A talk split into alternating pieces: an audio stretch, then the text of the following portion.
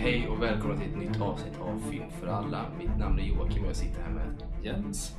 Och eh, idag är det dagen innan nyårsafton. Ja. Och eh, tanken är att vi ska prata lite om eh, året 2022, film och serieåret 2022. Men innan vi går in på det så eh, kör vi helt enkelt veckans nyhetssvep.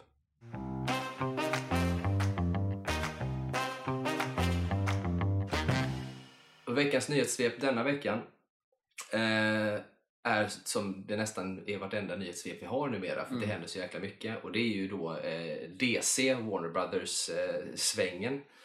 Eh, när vi nu har kanske inte undkommit någon att se från att man har gått till att Henry Cavill då gjorde en cameo i Black Adam som Superman och skulle komma tillbaka. Gjorde de en stor grej av att han är tillbaka som Superman nu och alltihop det här.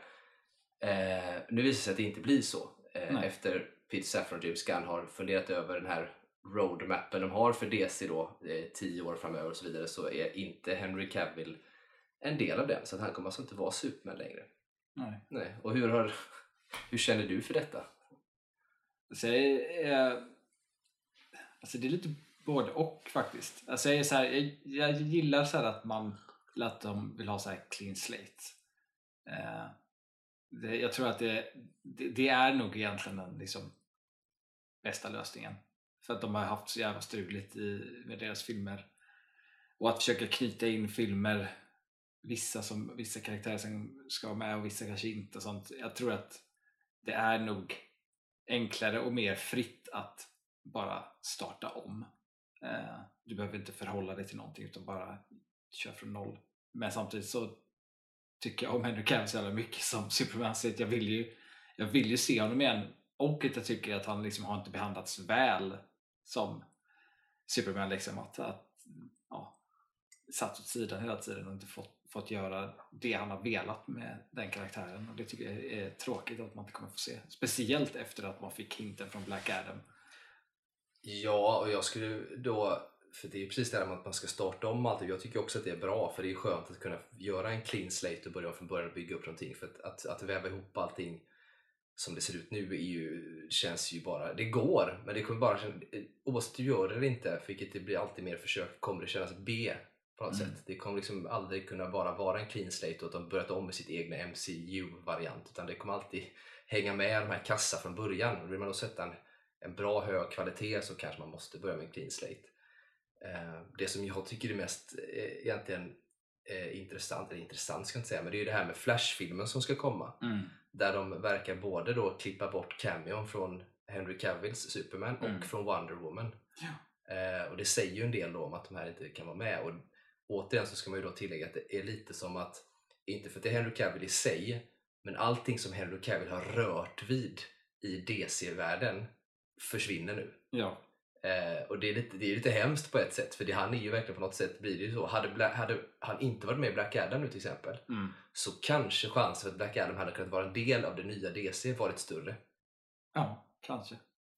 Det det vet man ju inte. Nej. För jag tänker så här spontant, för det man inte hört någonting om nu, för DC fortsätter ju till exempel att göra Blue Beetle ska ju göras. Den, Ja, den, den, är ju bara, den bör ju vara typ inspelad. ja, den är nog klar så sett, men den, den kommer ju ganska snart med han som spelar en av huvudrollerna i, i Cobra Kai-serien. Ja. Eh, där.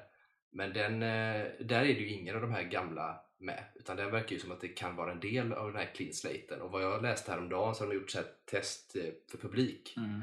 där den har fått väldigt positiv eh, reaktion. Eh, vilket är kul såklart. Eh, så så den är med. Och sen har man inte heller hört någonting, vilket jag tror att de kommer eh, droppa ändå i och för sig, men eh, man har inte heller hört någonting klockrent om Shazam med Zachary Levi i.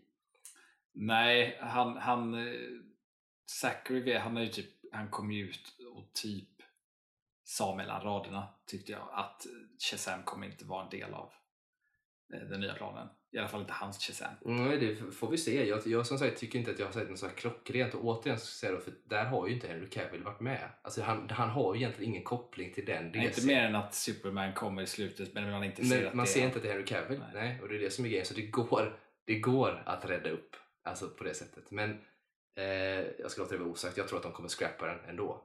Eh, så jag, jag tror att man kommer, det är väldigt få saker som, som görs nu som kommer släppas. Det är Blue Beetle då. Ja. Det, det är den enda som jag tror kommer vara en del av, av det här nya DC.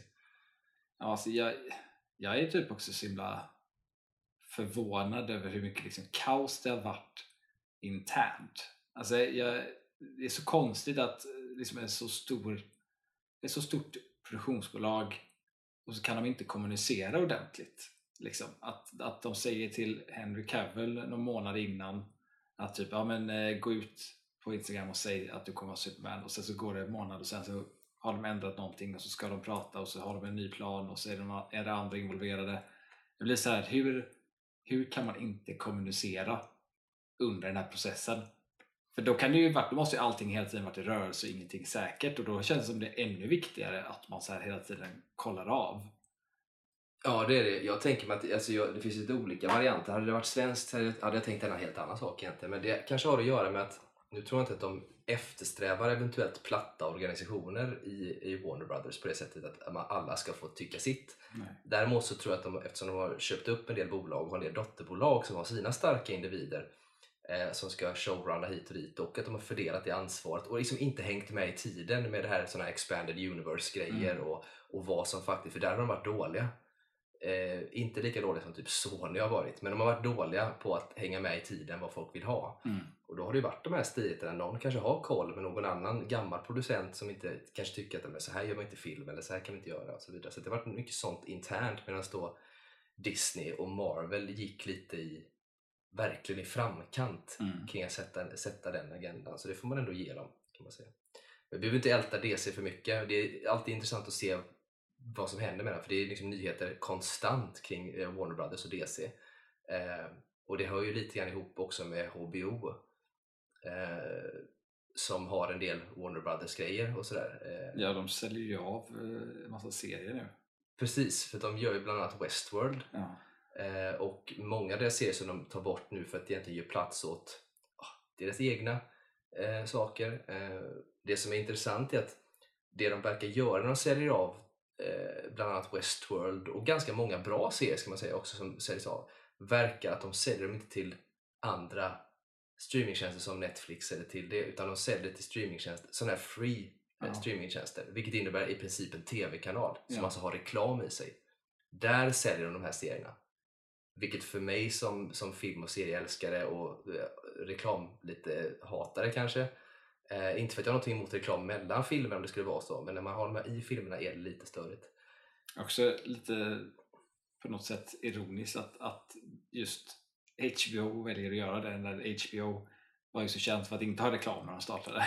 Ja, det har de ju inte heller utan de säljer till andra som de då ska göra. Men det, det känns väldigt eh, tråkigt för att det, det har ju, verkar ju som att, jag tror jag läst lite här och var också, det verkar ju mer och mer som att dels så finns det så många streamingtjänster nu men alla vill ju nischa sig och ha sitt egna väldigt tydliga material som ska ha en viss kvalitet och allt annat som görs läggs ut på så att säga gratis streamingtjänster då, med reklam.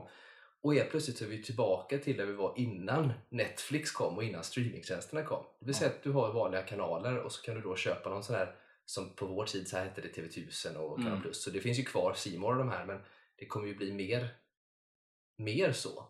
Så Ja. snart har vi tillbaka till vanliga kanaler i princip. Ja. Vilket, ja, jag, jag är lite sådär, blir lite trött. Men vi får se. Jag hade ju fortfarande önskat att man hade haft Eh, jag önskar, det här är önskan, det kan, om någon- från Youtube i Sverige lyssnar. Eh, se till att skaffa, köp in rättigheter till allt som finns på alla grejer. Så att ni kan då eh, med en, en liten högre avgift eh, via Youtube få tillgång till alla streamingtjänsters eh, liksom, tjänsters filmer och serier.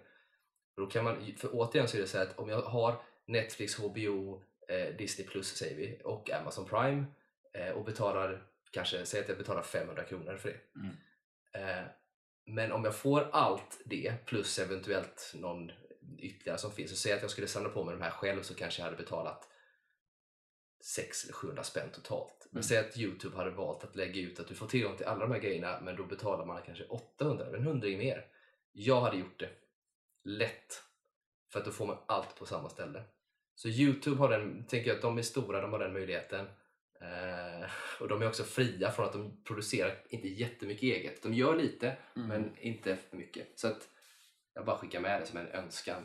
Precis, skicka ut i universumet.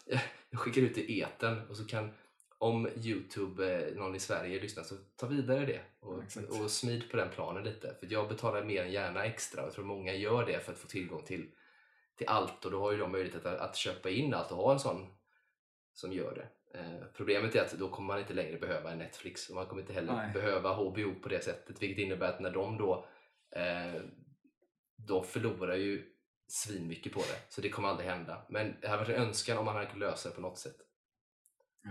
Med det sagt så, eh, så kan vi gå över på, eh, återigen, inte släppa Henry Cavill. Henry Cavill har ju släppt The Witcher, han hoppar av det. Mm. Eh, många spekulerar att han gör det dels för att kunna fokusera på Superman. Jag tror inte att det riktigt är så enkelt. Eh, men nu är inte Superman heller. Nej, jag tror inte Super, Superman, jag tror inte jag var så stor faktor i att han gick ifrån The Witcher. Det spelade säkert en viss roll, men jag tror inte att det var liksom huvudanledningen. Nej, det tror inte jag heller. Och sen har vi då, för att Henry Cavill kommer ju snart att spela i en, eh, den kommer på Netflix va? Är det inte så? Eller är det en vanlig film? Den Han här- spelar en, en, en, en typ som en, eh, en modern James Bond kan man säga, eller en, en Bond-figur. Fast det är inte Bond. Jag kommer inte ihåg vad han heter nu den här, men det är alltså en agent eh, som spelar, eh, som han spelar. Eh, som ska göras. Som inte jag kommer ihåg vad den heter just precis nu, men det kommer alltså det, där man pratar om att eh, det, för det är nu, tror jag, jag tror inte att det är en serie, jag tror att det är en film och att den eventuellt kan växa och bli en egen franchise. Liksom. Jag vet inte ens vilken det är. Eh, sådär då. Jag har inte ens hört talas om. Nej, jag kan eh, ta, re- ta reda på det medan vi pratar. Men, men som sagt så är det, han har ju den, men sen då framförallt och så gick han ju ut bara dagen efter här med Superman, att vad skulle han göra då? Är Den här Warhammer-serien. Ja, Ja, det, det känns ju passande för honom. ja Han varför då? älskar ju Warhammer. Ja, han är så jävla Warhammer-nörd. Ja, han är, han är en riktig Warhammer-nörd. Men eh, det, alltså jag tyckte att det lät intressant för att jag är inte insatt i Warhammer överhuvudtaget. Jag vet vad det är, men jag har aldrig varit intresserad av det. Eh, så att det kan vara intressant att liksom bara liksom få se någonting nytt som ska tolkas. Speciellt Ja. något som ändå är så öppet på något sätt att tolka. Ja, det är det ju. Samtidigt är han är ju rätt man för jobbet och han har ju Alltså Warhammer, om man känner till, ni som är Warhammer känner till det, jag är inte heller jätteinsatt fast jag tycker att jag har spelat spel och sånt där Warhammer ibland och så. Och det finns sjukt mycket lår. det finns jättemycket att plocka av och det är en, en helt, hel liksom, universum som byggs upp kring detta med jätteintressanta factions och imperier och allt möjligt så det finns ju rikt med, med saker att plocka av. Eh, vilket jag tycker är så jävla coolt. Eh, och jag har själv börjat kolla nu på, eh, på Youtube kan man söka på så här Warhammer 40k eh, lore. Så är det någon som går igenom, det är, så här, de är typ 40 minuter om inte mer långa filmer om, om allt från ja, the, the Human Empire till en karaktär. De går igenom allt det, det finns jättemycket att ta av. Och i min eh, värld, och det de ändå har som plan här verkar ju vara att de ska bygga upp nä- nästan som någon form av inte som Star Wars, men nästan. De vill liksom bygga upp en franchise med allt det här och stort som fan med fler filmer och, eh, liksom, och att liksom usher in en, en ny era av sånt. Och jag, jag hoppas ju och tror ju att det kan bli jävligt bra. Det finns sjukt mycket häftigt att ta av i det. Ja, och jag tycker också att det är intressant att det är det är förmodligen ett passionsprojekt från Henry Cavills sida. Mm. Och om man tittar på Witcher, det var det ju för honom också. Och Witcher tyckte jag ju var bra. Ja, Witcher har, har Speciellt ju... att han var bra i Witcher. Ja, det, jag var ju inte helt Så- såld på honom som Witcher, men han, han har gjort det bra. Så att det känns som att utgår man från liksom den utgångspunkten så kommer det ju bli bra. Jag tror det. Jag hoppas på att det inte blir som risken är. Nu ska inte jag snacka någon skit här egentligen. Om man tittar på eh, när man gör just eh, tv-spel. För det här, det här är ju spel. Brädspel, rollspel, tv-spelsgrejer egentligen och sådär. Och massa böcker såklart. Men det börjar ju ändå som någon form av eh, figurbrädspel och sådär. Mm. Men eh, det finns ju alltid när man gör sådana adaptions att det blir kast. Det har ju varit så historiskt. Eh, vilket blir väldigt spännande. Men tittar man på filmen World of Warcraft som kom. Eh, Eh, för några år sedan så tänkte man att ja, det här finns ju likadan risk att det blir. Men jag ska säga att den filmen är faktiskt inte så dålig ändå. Alltså, om man tittar på rent filmhantverksmässigt och sådär så kanske det inte är världens bästa film så. Men det är fortfarande en hyfsat bra film för att vara en sån typ av adaption. Ja, alltså om man, skulle, liksom, om man skulle ta så tv-spels och spelsadaptioner så skulle jag ju säga att den World of Warcraft ligger i topp liksom. Men, Ja, det tycker jag nog att den gör. Alltså, men jag tycker att den är bättre det- än till den, exempel Den Uncharted. toppen är ju inte jättebra Ja, det är jämfört inte med ett berg. alla filmer. Liksom. nej, nej, det är ett berg. Det kanske är mer av en kulle på något sätt. Då, som det är. Men eh, det finns ju den här eh, filmen som kommer ut nästa år som Mm, Dungeons and Dragons med och den Pine. trailern ser ju svin Den ser jätteintressant ut och Dungeons and Dragons-världen är ju precis som Warhammer Ja. eh, i det att det finns jättemycket att ta av. Eh, och det finns ju en, jag har ju läst några böckerna där och det finns ju en karaktär som heter Drist du Orden som är en så här svart alv, eller mörkalv egentligen då va.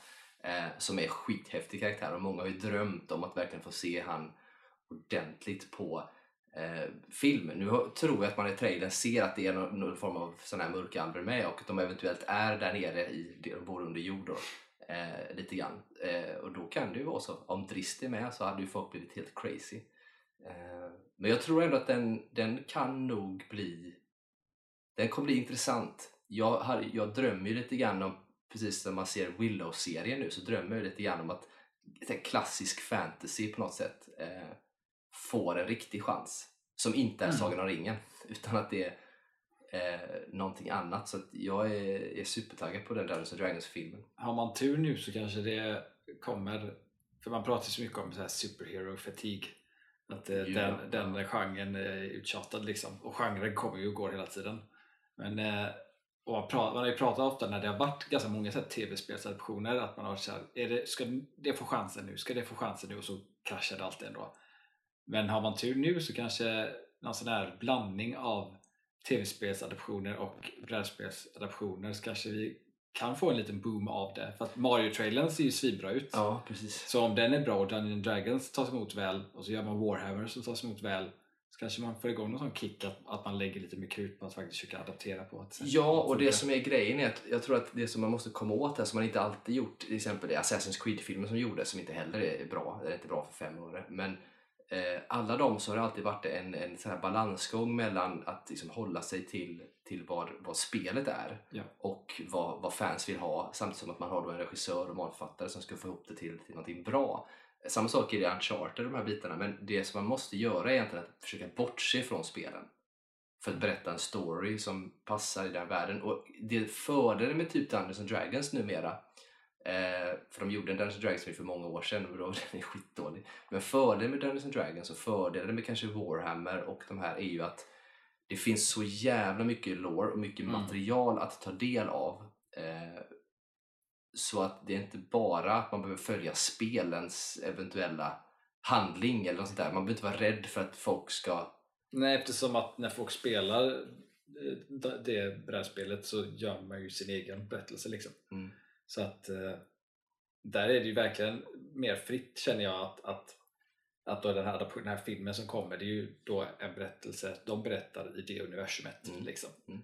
Eh, och man behöver inte förhålla sig till, och jag tror också att då kan man inte som ett fan av det heller förvänta sig att, att det ska vara som man själv spelade eftersom att när man själv spelar det så kommer det ju vara annorlunda liksom. Mm. Eh, på ett annat sätt än tv-spel för där är det ju riktat med story vart du ska Mm. hela tiden. Nej men precis, det är det som är att det finns mycket frihet i det. För att i just Dungeons and Dragons-filmen nu, jag tror inte att det är någon jag, jag ska inte säga det för jag är inte jätteinsatt i, i, det, i det på det sättet. Men jag tror inte att någon av dem som tillhör det här gänget med Chris Pine och de här som spelar det är, är någon stor karaktär i Dungeons Dragons-världen eh, så som man känner till.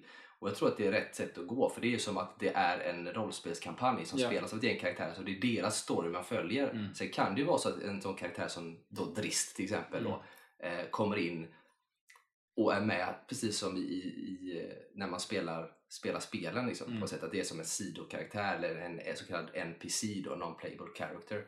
Eh, sen kan det ju växa och ändå bli att det får sin egen film sen så småningom. Det beror på hur det mottas. Men jag tror att det är helt rätt sätt eh, att göra. Samma sak är det i, i, i Warhammer där, där de här, det finns ju historia kring, kring många karaktärer. Förmodligen kring någon sån som Henry Cavill skulle spela nu då. Kommer förmodligen vara där. Men det finns också och där finns det liksom stora händelser som man kan förhålla sig till. Men det finns också mycket luft däremellan Mm. som kan liksom leda iväg. Så det, det ger ändå en, en viss frihet och det finns de här stolparna så att det är både en hjälp och eh, en frihet i det. Så jag tror att, eh, och hoppas att det kan bli jävligt bra Mm. eh, med det. Men i alla fall, så det är ju Warhammer han ska göra som är hans nästa. Men den här andra då som vi skulle titta upp nu med, med Henry Cavill som man ska göra, som kom, man pratar om ska bli en franchise också. Den heter ju Argyle. Mm. Eh, där han spelar en spion då. Eh, som ser jag vet inte riktigt när den utspelar sig, det är typ 80-90 kanske. Det såg ut som det i alla fall. Det kan ju vara att det är nu också, jag vet inte. Men, men det, han Det är var något så- med hans hår. Ja, han har någon form av buzzcut. Men han, han, det ska ju tydligen vara något spionaktig grej då som ska komma. Eh, och där får man ju se då, för att hans chans att spela Bond har ju förmodligen försvunnit för rätt länge sedan. Mm. Nu då, så, att, eh, så den är borta. Men, men just den här Arger kanske ger en, en chans då att få göra i alla fall några filmer i en sån typ ja, av i den franchise. genren liksom. Ja. Men det kan bli kul att se. Eh, se, se han om man inte kan få han som Bond ska man få han som en eh, Bond-esk karaktär. Ja men lite så. Eh, lite så. Det är lite grann som man, jag hade gärna sett typ Tom Hiddleston som Bond också som är skitbra. Men han gjorde ju den här hotellserien. Eh, serien, eh, Ja, just det. Där han spelar, inte en Bond riktigt men det är lite spionigt. Nu kommer jag inte ihåg exakt vad den heter. The Night Manager heter den. Eh, tror jag. Där eh, han spelar en sån typ av karaktär. Som också är, det var ju där jag såg den och tänkte fan vad bra Bond han hade varit. Men han har ju Mm. också fått göra sin spion, spiongrej. Jag tyckte jag såg, så här, jag kommer att tänka på roliga grejer kopplat till hela den här DC och Superman och det. Eh, dels att, det, att när, när James Gunn kom ut och sa att han ska fokusera på en, en tidig Superman och en yngre Superman Mm. så är det så roligt att se alla de här memesen som gör med att Tom Holland ska spela Superman. Oh, Jesus. Det är så jävla roligt. Och sen såg jag en annan grej ehm, som jag inte ens tänkte på vilket var lite roligt. Det var så att då var det ju någon som då var ett Henry Cavill-fan som hade lagt upp så att Henry Cavill är 39 och de tycker att han är för gammal för att kunna spela Superman i, tidigt i sin karriär.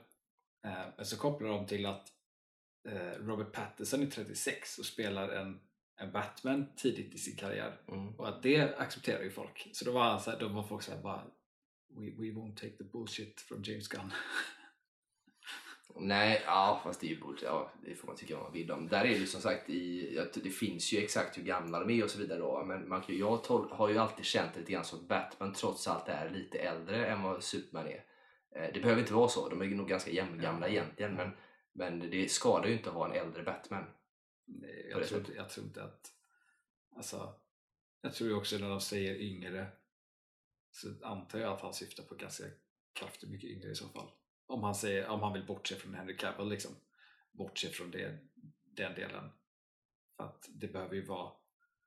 Jag tror att han menar att Superman ska vara 25 eller sånt där. Ja, jag, jag tror att han, han är ute efter någon som är någonstans mellan, säg någonstans, en skådis som är någonstans mellan 25-35 kanske, som Mm. kan spela någonstans där. För att det handlar inte om en origin story, utan det som jag, när man läser då vad han säger så, så handlar det förmodligen om att han, han är kanske då etablerad som Clark Kent och jobbar som reporter, men Lois vet inte om honom förmodligen. Och, eh, men de här andra karaktärerna runt omkring finns och han finns. Men så det är mer, Alltså jag hoppas, jag hoppas att, att, att de börjar berättelsen med att, att Lois och Clark och alla de känner varandra egentligen.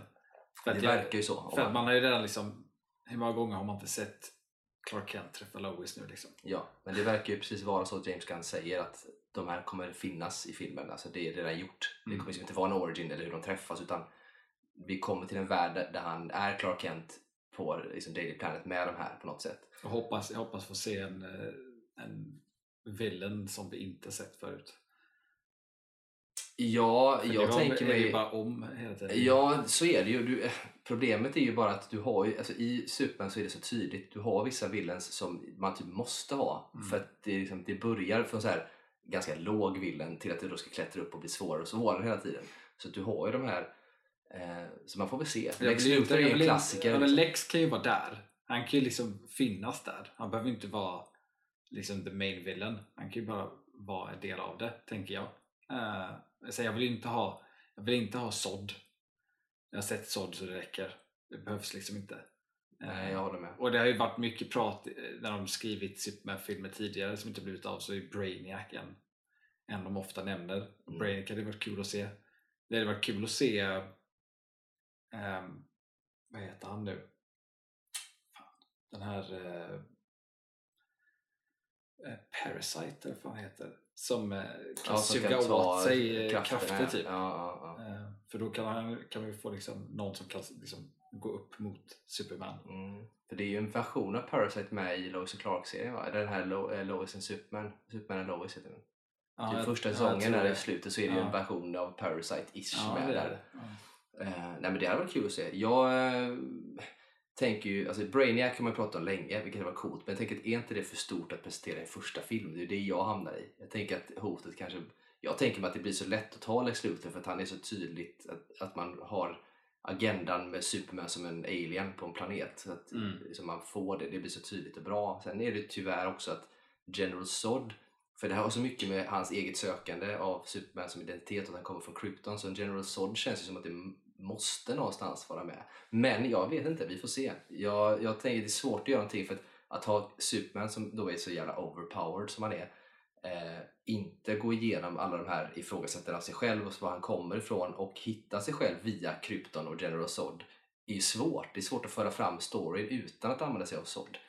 Eh, sen finns det andra eh, som liksom kryptonfolk du kan använda dig av. Så att, Ja, jag skulle kunna tänka mig, alltså om man, om man skulle använda Brainiac skulle man kunna använda sig av Ja, för, för hela hans grej är ju att samla planeter och samla städer och sånt. Han har ju en stad från Krypton ofta i serietidningen som Superman får tag på sen. mm. Eh, Som är en miniatyrstad som han, liksom, han har krympt ner. Mm. Så där kan vi koppla, det kan också, sånt kan också kopplas in i det. Ja, det finns en eh, man till faktiskt som man skulle kunna använda sig av i en, eh, i en första film eventuellt. Fast då blir det ju verkligen slå på stora trumman direkt och det är ju en av de kanske bästa och mest intressanta anti-heroes som finns i, i DC och det är ju Lobo. Mm.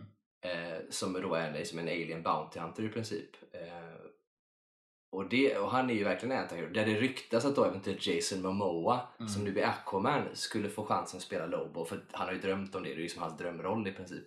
Och hade passat skitbra till det dessutom. Ja, han är typ, det känns som att han är född för att spela Lobo. Ja, lite så. För att han typ ser ut som Ja. Lobo. och sådär. Och han, det är ju hans liksom, favorit. Men, men där har man ju eventuellt en intressant eh, kanske konflikt. Problemet är att jag tror att en Lobo och Superman bara kanske blir tråkigt. Så då eventuellt är det kanske Lobo, Superman och någonting mer. Som det har varit innan. Mm. Men vi får se. Det finns mycket att tänka på i den världen. Mm. Men eh, det var det kring Henry Cavill. Se fram emot det. Eh, framåt helt enkelt. Mm. Så att vi släpper nyhetssvepet för denna gången. Ja. Så går vi in på dagens ämne. Ja, och dagens ämne, nyårspodd som det ändå är. Eh, snart går vi in i nytt år, 2023, men innan vi blickar framåt, vilket vi inte kommer göra så mycket just nu kanske, men eh, vill vi blicka lite grann bakåt och titta då på, på film och serieår 2022. Och då eh, tänker jag rätt spontant, för det finns jättemånga olika serier.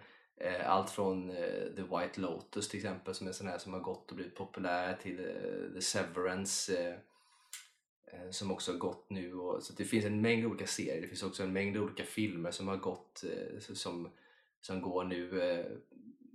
Till exempel The eh, Woman King och sådana här som, som finns och går. Så det finns ju mängder av saker att ta av som man kan gå igenom. Men vi tänker att vi får prata lite grann utifrån vad vi minns. För det blir lite intressant Mm. att inte bara gå in och titta på vad alla andra har listat på listor och så vidare utan Mm. mer så här vad tar vi med oss av filmåret och serieåret 2022? Så spontant då Jens, vad är det första du tänker på från 2022? Alltså det första jag egentligen tänker på 2022 är att utifrån eh, filmperspektiv så har det varit liksom ett rätt starkt filmår. Eh, för att ja, 2020 och 2021 var ju lite sådär eh, av förklarliga skäl. Och det känns lite som att det börjar liksom komma igång och folk liksom det är lite back to normal på något sätt. Så det har varit ett rätt starkt filmår. Eh, rätt många bra filmer. Eh, seriemässigt så tycker jag att det har funnits en del bra serier sånt där, men jag tycker nästan att det har varit, liksom, det har varit för mycket i serieväg. Och, eh, det har liksom pumpats ut för mycket av allt. Liksom. Så det, har varit liksom, man hänger inte med och ser grejer som man vill se. Liksom. Eh, så jag är så här, jag behöver inte göra så mycket serier. kan lugnas lite med serier. Eh, men annars, alltså film. Jag försöker så tänka vilka filmer så här jag kommer liksom på i huvudet som jag har sett så här, eh, som, som jag liksom har varit riktigt bra. Och sen en, en film som jag hela tiden glömmer bort kom ut i år som jag hela tiden får för mig kom ut sent förra året men det är ju The Batman. Mm. Det är en, en film som jag tycker var, och det var ju typ februari eller någonting. Mars? Ja. Så den var ju liksom det var ju sån där ja, det, är, det är en riktigt bra film för detta året tycker jag. Ehm, typ den enda bra filmen från DC, typ, tror jag. Ja, jag håller, jag håller med dig. Det- är den som jag tänker, om man tänker filmår 2022 på någonting som ändå är med mig och lever kvar i filmvärlden så är det just The Batman eh, från i år. Eh, så jag håller he- helt med i den, eh, i den biten. Den, och det, det tycker jag är, det är svårt också för den kom som sagt så tidigt i mars. Och nu är vi ju inne i, i december och det har kommit en hel del nu i slutet här nu som vi inte hunnit se än. Avatar bland Ja. annat och, och sådär. Och, så det är liksom svårt att förhålla sig till hur bra är den på en skala på hela året egentligen. Men jag tycker ändå att när man tittar tillbaka, det är ändå mars som är tidigt. Så har den liksom inte, jag kan inte komma på att jag har sett någon film som varit med mig lika mycket som den har varit och som, liksom, som, som jag bär med mig på samma sätt. Så att för mig är ju kanske The Batman eh, årets film. Jag har inte sett Avatar än så jag ska inte säga för mycket men det känns som att den, den, den ligger högt helt klart. Ja, men den, den, liksom, den visar, eh, eller för mig, den visar liksom vad, vad man, eller vad liksom en, en DC-film kan vara. Mm. Och också visar lite så här som har varit problem med DC, att man vet aldrig riktigt vad man får. Eh, så när man väl får någonting som är så här riktigt bra från DC så är det verkligen riktigt jävla bra. Och sen är allt annat väldigt mediokert. Eh, man, man liksom önskar efter jag såg Batman så jag kan inte resten av alla DC-filmer vara så här bra? Mm. Men det, det är så här, vad man får när inte producenter är inne och styr för mycket och inte när det behöver förhålla sig till ett universum heller som är typ trasigt dessutom så, så kan det bli så här bra. För att det är ju så ovanligt som att de till exempel har klassisk musik med som inte är ett original score. De har original score också i den som är svinbra men Mm. de har ju också klassisk musik vilket är ovanligt och man tar också en bit av att faktiskt presentera och kör Batman som en variant på typ en, en Seven-film, alltså en seriemördarfilm i princip. Där, där det blir mycket mer detektivarbete och, Mm. eh, och, och mörkt och en, en gåta som ska följas upp. Så på, på det sättet kan man verkligen se vad man kan göra av superhjältefilmer. Att hålla dem mycket mer, på ett sätt jordade, men Ja. också intressanta på ett, ett helt annat plan. För att det tror jag man kan vara överens om, om att specialeffekter, CGI, alla de här bitarna kring det är egentligen sekundärt i alla de här sammanhangen. Det är berättelsen och storyn som behöver vara det viktiga och det har man ju sett både i, i Nolans Dark Knight-trilogi egentligen som har fått mycket cred och sådär. Att han är dessutom en anti-CGI-människa. Mm. Eh, Men, men man tittar där, om man tittar på The Batman så är det det man använder som i CGI, det är ju för att göra storyn eventuellt bättre. Mm. Eh, inte bara för sakens skull, om man då jämför med Marvel vars kvalitet på CGI har gått ner lite, men där är det mycket sånt hela tiden. Extremt mycket. Eh, och det kan man ju tycka vad man vill om. Eh, som Joe Rogan hade sagt nu tror jag häromdagen, man kan tycka vad man vill om Joe Rogan, men han hade ju sagt att det har inte kommit en bra film från Marvel sen eh, Endgame. var ju hans liksom, så gillade han inte Spiderman. Nej, och jag var så här, jag var inne på att ja, fast han tänker nog kanske inte på Spider-Man för den är ändå den hör ju till en bra eran men efter den så håller jag nog med honom i princip att det fan inte har varit mycket bra där. Eh, på något Nej. sätt. Jag försöker så här fundera ut på vilka filmer jag faktiskt har sett i år. Ehm, man, kommer, jag tänk, man har bara alla man nyss sett i huvudet. Men typ eh, en film som kom ut i år som eh, jag inte tycker var så bra. Eh, vilket jag tyckte var så synd att den inte var så bra.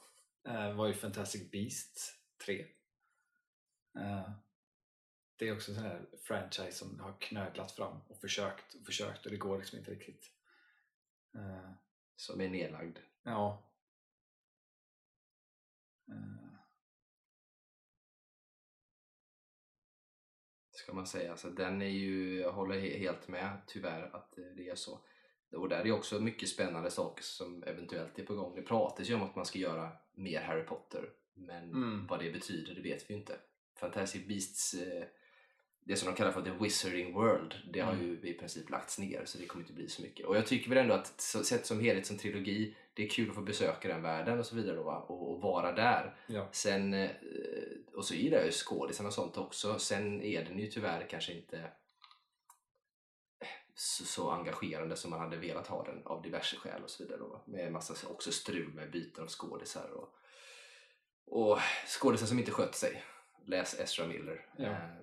Så att det, det har varit ett, eh, ett, ett ok där egentligen. Så det, det är synd men det kanske blir bra. De kanske behöver göra precis samma sätt som de gör med att låta James Gunn och Peter Safran ta över eh, DC-delen så att säga och, och superhjältevärlden. Kanske de behöver någon som kan gå in och ta över deras Harry Potter-franchise och se hur de kan göra det. Ja. Det, ja. Om man vill lära sig något från Marvel så är det egentligen att sätta någon som inte har, har för många över sig. Som de gör med James Gunn nu. Nu är det bara Zaslav över dem. De har ju ingen annan över sig. Nej, och det gäller ju att den som är över också bara ändå kan vara hyfsat liksom, cool i det. Eh, och sådär. Så att vi får väl... Eh, Vilket har, det har ju ändrats hos Marvel. För Kevin Feige har ju alltså han har ju typ fem stycken olika över sig nu. Mm. Eh, vilket han inte hade förr. Och det kanske har liksom visat sig lite i, i Phase 4. Mer än vad man tror eller vet kanske. s- säkert så Men jag läste säga. också att nu kommer ju han, eh, han chefen där för Disney sparkades ju och så togs ju han Den gamla tillbaka. Ja, Ja. så det kanske går tillbaka till att, att låta Kevin Feige do his eh, thing. Ja, och kanske. Sen vet jag också att Kevin Feige själv och många runt honom har ju sagt det att det var ju, han hade ju för mycket att göra ett tag. Alltså det var, han hann ju inte med. Han hann inte med och han, tänker, det vet man ju själv om man har hög arbetsbelastning att det blir, man mår ju inte bra av det och kan inte ha koll på allt. Så det gäller att rätt personer är där. Ehm, men Kevin Feige, jag har ju inget emot som du sa, man pratar om just serier till exempel. Film finns det ju också en viss risk att det är så, men serier framförallt tycker jag att det pumpats ut för många överlag. Inte bara från Marvel, men även från Marvel. Men det pumpas ut för mycket serier. Det, det finns ju många man skulle vilja se, men man hinner inte. Alltså jag, jag säger så här, jag ser, den här har någon sagt att jag ska se, så ser jag kanske två avsnitt av den. Men så har jag en annan serie för så tittar jag klart på den istället och då Mm. tappar jag de andra två. Så jag ser liksom, jag har så sporadiska avsnitt här och var, massa olika serier. Ja. För att man inte riktigt hänger med. För att jag menar, man pratar om till exempel en sån serie som The White Lotus, nu är det säsong två. Jag har börjat se halva säsong ett tror jag, men liksom tappat det för det är massa andra serier som jag har tittat på innan som jag behöver följa upp. Och, eh, och det finns ju massa såna serier som jag vet många pratar om, Succession och såna här och även eh, The Bear som går på Disney Plus som sägs vara så jäkla bra. Eh, det finns ju hur mycket som helst som man liksom inte riktigt hinner med. Alltså det, man behöver, jag tycker att eh, skala tillbaka och fokusera på lite färre serier. Jag fattar ju att det är pengar som driver. Ja. Och där kommer det ju vara så att vissa gillar en viss sak och då tittar man på det och så vidare och håller sig till det. Men som du och jag som gärna tycker om film och serier som vill se allt Mm. så är det en jävligt jobbig tid att leva i. För Ja. att det finns så jäkla mycket att se. Och det blir så lätt att, att man då väljer sånt som man vet att man tycker är intressant. Och det är Exakt. superhjältar och det är fantasy och det är science fiction och det är liksom actionorienterat så du får liksom aldrig riktigt chansen att kanske sätta dig in och njuta av en serie som till exempel Succession som jag tror skulle vara skitbra. Eh, Ja, för Succession, jag vet jag såg ett avsnitt av Succession eh, för några år sedan. Eh, och tyckte liksom att det avsnittet var svinbra. Och var så här, fan det här måste ju vara en svinbra serie. Men jag har aldrig fortsatt kolla på det. Nej, nej, jag gjorde ungefär samma sak. Jag såg ett första, av första avsnittet första säsongen Succession såg jag för det kan inte vara mer än ett halvår sedan. Eller där kanske. Men som sagt, sen blev det inte mer än det. Eh, vilket är synd. Så att det är liksom för mycket sådana bitar. Så man får väl se, men man behöver ju som sagt människor som har kontroll och som får styra. Kevin Feige har ju Marvel. Eh, det som jag hoppas och tänker, som de ändå gör lite grann nu med Star Wars, är ju Dave Filoni. Eh, Mm. Att han är den övergripande handen där. Eh, för han är ju sjukt skicklig och kan verkligen sin Star Wars om man säger så. Eh, så att, Ja, han är väldigt bra på att balansera upp liksom nostalgin med nytt.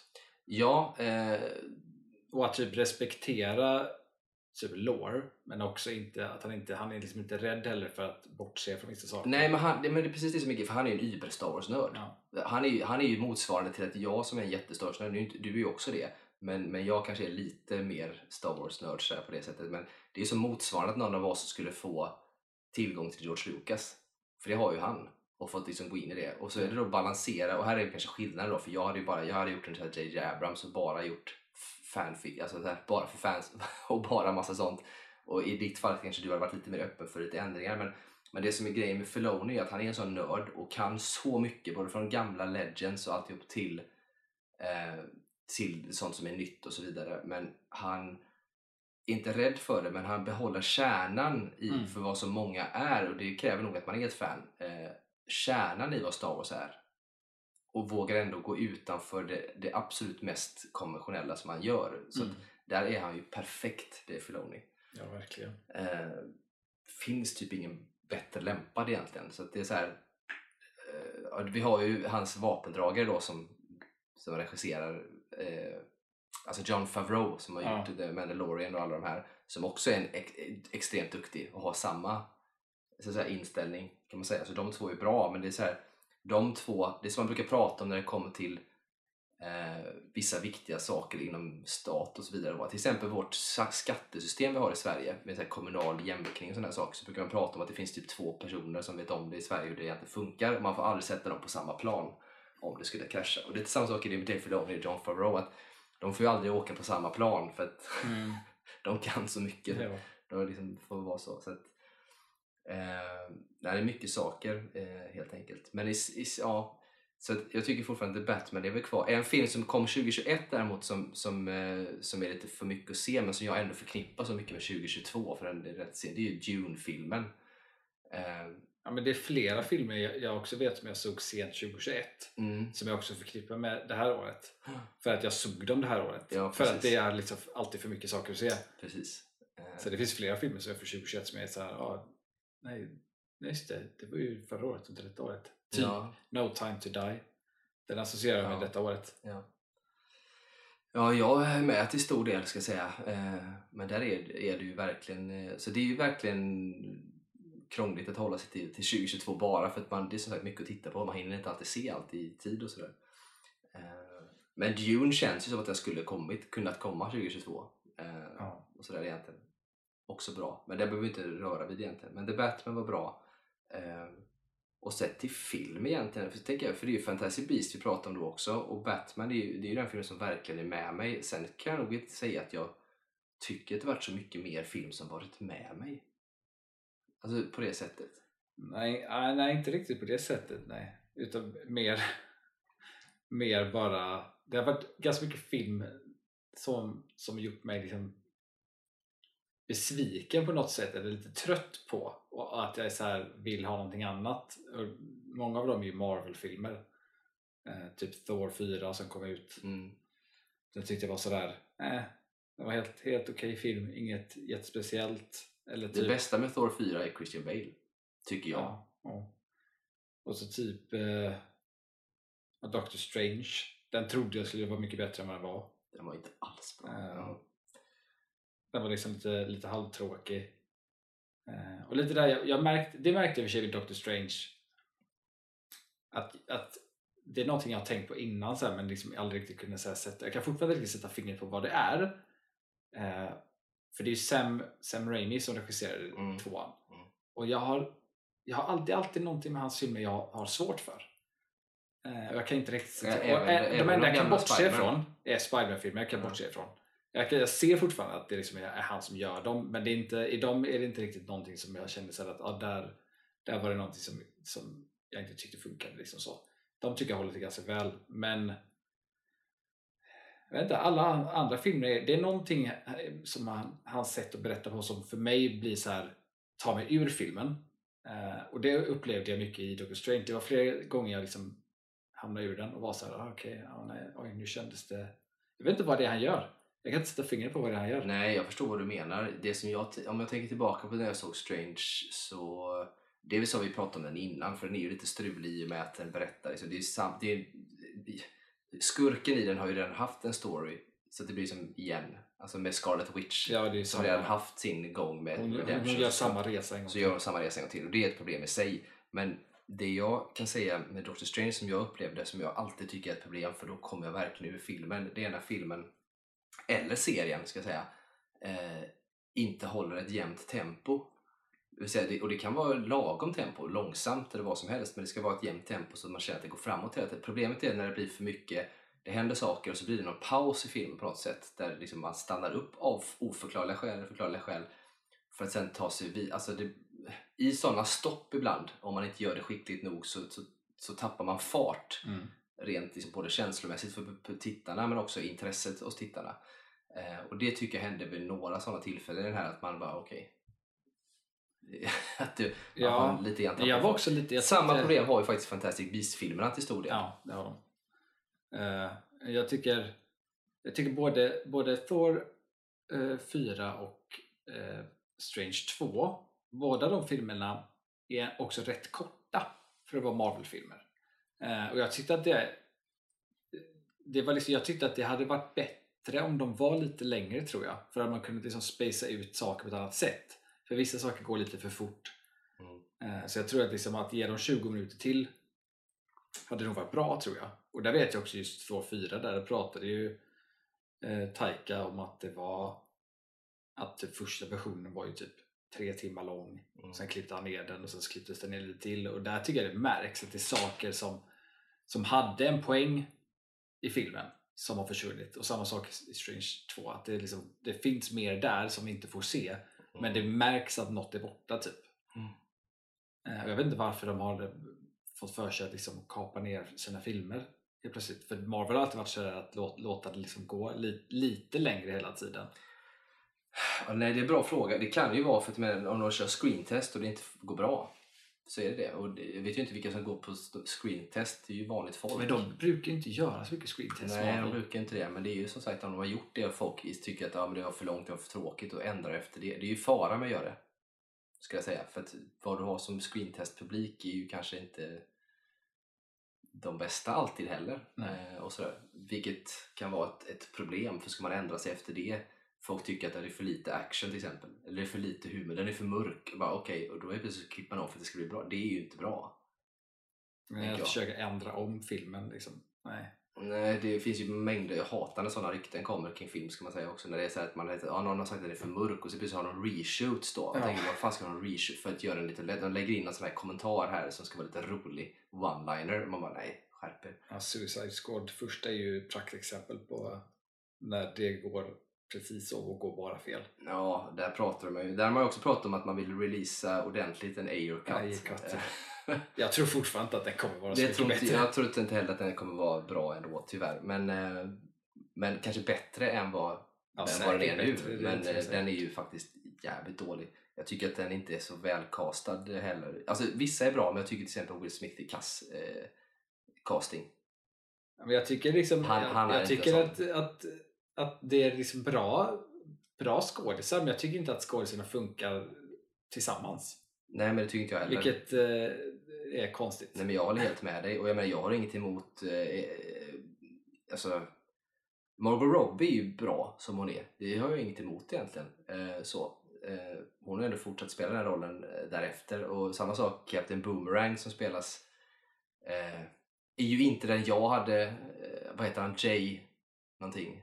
Eh, Ja, jag kommer aldrig ihåg vad han heter. Nej, inte jag heller. Men han i alla fall, eh, australiensisk skådis, eh, är ju inte, inte dålig egentligen så, men det är inte vad jag hade sett som Captain Boomerang. Men jag är också van vid att jag sett mycket av de animerade serierna och sånt Ja. och där är jag inte alls lik honom.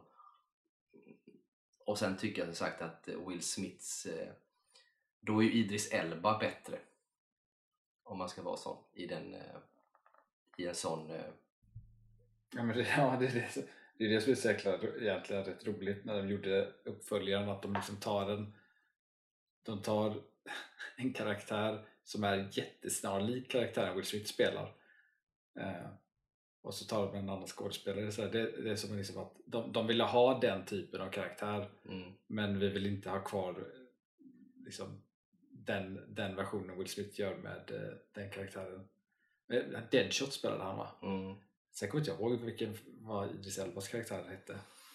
Men de är ju så himla snarlika. Eh, De är jättelika. Eh, pff, kommer inte jag heller ihåg. Men de är superlika. Ja, och så har de exakt samma typ av roll och så var ledarrollen i det och allting sånt där. Ja, eh, så att, nej, jag, jag hå- håller med. Men då, jag hade ju hellre sett... Alltså, Idris Elba i- den rollen är bättre än Will Smith. Alltså, Will Smith för mig är inte alls en sån, sån roll. Eh, Nej, de funkar inte riktigt. Nej, han, han gör inte det. Eh, han har liksom inte det här grittiga över sig på det sätt som man tror att man behöver. riktigt. Eh, Speciellt inte när de försöker göra om filmer till att liksom vara roligare eller någonting sånt där. Jag menar, han kan ju spela. Alltså, hade han lutat in mer och varit alltså, i stil med hur han är i typ Hancock. mm. Liksom att han hade varit mer liksom, den typen av liksom, karaktär som Deadshot så hade det nog funkat bättre tror jag. Eh, Men sen blir det ju så här, nu behöver vi ha lite roligt här. Och Will Smith, han är ju rolig. Mm, nej, jag tycker inte att det, nej, jag tycker inte att det blir bra. Och de, som sagt, kemin mellan skådisarna är inte heller jättebra. Eh, vad det beror på vet jag inte, men det känns mest som att de inte riktigt hade fått bonda som de hade behövt göra kanske. Nej, sen tror jag att den, han, regissören jag tycker inte han, han är inte så bra på det där med att eh, med ensembler tycker jag. När han, har Han är ju inte heller regissör i, i, egentligen. Jag vet inte vad han började som. Nej, Men Ayer är ju, vad fan är det han är? Han håller ju på med effekter och sånt egentligen och eventuellt lite alltså filmfoto och sånt. Mm. från början. Så att han är mycket mer visuell än kanske regissör. En regissör ska ju ändå kunna liksom locka fram skådisarnas alltså känslor och Ja. hur de förhåller sig till varandra. Och det är inte hans starka sida och det tror jag mär- det märks ju. Mm. Att där, där, där lackar han helt enkelt. Eh, så vi får se. Jag hade ju hoppats på att, man ska, att han, han utvecklas så att man får se någonting när han gör någonting med lite mer fria tyglar också kanske. För att det är lite grann som Zack Snyder, kanske inte heller världens bästa på att locka fram känslor i, i skådespelare på det sättet. Men, men han har ändå gjort det lite oftare. Men han är också mycket mer visuell och jobbar mycket med, med de bitarna. Eh. Ja, och han är väldigt eh, duktig med som att, att, att vad ska man säga, berätta sina teman och sin symbolik med det visuella. mm. Det är ju verkligen hans starka sida. Precis, och så är han inte riktigt lika kass. Han kan kanske säga någonting till skådisarna och sånt, men han ger dem ändå lite utrymme i det. Ja. Men eh, Ayer har nog inte riktigt den i sig på det sättet. Tyvärr. Men eh, ja. Alltså film, film som sagt för 2022 tycker jag är lite svårare. Man har som sagt inte sett allt. Eh, vi ska ju gå och se Avatar på... Nu blir det ju precis... Eh, vi spelar ju in detta För er som lyssnar så blir det dåtid, vi har sett den. Ja, vi har sett den då. Vi spelar in detta på måndag Ja. och det här avsnittet släpps ju på fredag då Ja. eh, och vi ska se filmen på onsdag. Ja. Eh, Så då får vi se. Den har ju redan spelat in sjukt mycket pengar eh, och svårt att få platser till. Ja. Vilket bådar gott för James Cameron och en fortsatt Ja, alltså jag, är för, jag är förvånad. För att alltså, i Sverige så tycker jag, alltså jag behöver typ, jag kan gå in typ samma dag ibland och hitta platser jag vill ha på en film i Sverige. Mm. Oavsett om det är en större film eller inte. Men här, alltså Avatar, fan vad svårt det är att få tag på biljetter. Ja, men det, jag, tror, jag tror att det handlar om... Eh, jag tror inte att vare sig en trailer eller någonting i det här fallet har gett eller att folk vet någonting om det, gett eh, Avatar en skjuts att åh den här måste vi gå och se, verkar häftig. Utan jag tror att det enbart lever på att för då tio år sedan ish, när den kom, att man då minns att det var så många som gick och såg den och det var så Mm. fantastiskt. Och många som var med för tio år sedan som kanske eventuellt har egna barn idag eller eventuellt har vuxit upp lite och sådär känner att ja men just det, den var ju så jäkla mäktig och att man bara baserat på det och hur mycket Avatar gjorde för 3D-film Mm. och allt det här går att se den för att det, det är så här, man ska göra det helt enkelt. Ja, men det, det, det, det, det liksom märks även bland typ mina kollegor och sånt. Ingen, ingen jag jobbar med är liksom jätteintresserad av film. De tittar på film och tv och sånt. Men det är mycket så här hemma. Liksom. Mm. Men eh, typ alla de, när vi pratade om Avatar var ju så här. De hade liksom glömt av att tvåan skulle komma men när vi pratade om det så var de så här, oh, men just det, så var de så här, de tänkte först, ja men det här måste vi se för första var ju så cool. Mm. Eh, Så att det, det blir väl så här återvända till världen man upplevde liksom. Ja, lite så är det. Och just att som sagt den betyder så mycket för 3D och det nya man gjorde. Så det, det, den går ju i princip, hade du- och det ska man säga också, att det har ju inte gjorts jättemycket promotion för den. Nej, överhuvudtaget. Och det har man inte heller behövt. Jag tror inte ens man behövt göra den lilla man har gjort nu. För att folk bara hör det och tänker att de måste gå och se den. Liksom. Vilket är helt sinnessjukt egentligen att det är så. Men där ser man ju. Mm. Liksom. Sen såg jag en rating på någon, jag kommer inte ihåg vilken, vilka det var som hade gjort en rating på James Camerons bästa filmer. Så här. Och så var det en, jag tror att det var, om det var en topp 10-lista. Där Avatar har han ens gjort tio filmer? Ja, ja, det har han. Eh, det har han. Men jag vet att Avatar 2 var inte med på den än, för det här var innan den hade kommit. Då. Men jag såg listan och där låg Avatar på åttonde plats bara. Ja. På de första platserna Ja. låg ju Terminator 2, Aliens eh, och lite sådana där eh, varianter. Då, va? Eh, men jag tycker att jag tänker efter, ty- tycker nog det är väldigt få filmer James Cameron har gjort. Han har ju inte gjort som sagt så många ändå. Men det är väldigt få av hans filmer som jag inte tycker om tror jag. Jag tror att de flesta tycker fan är rätt bra. Även en sån som The Abyss till exempel, som, är sån, Mm. som man inte tänker på så ofta, tycker jag ju är, det är för mig en skitbra. Jag älskar ju The Abyss. Ja, Eh, den är bra. Och, liksom, och Terminator, Avatar, Aliens. Eh, det finns ju liksom, väldigt få gånger han har gjort någonting som man tycker dåligt. Titanic. Liksom. Ja, den enda filmen jag inte har sett av honom tror jag det var hans första film. När Piranha 2 eller sånt där. Ja, precis, Innan det- Terminator.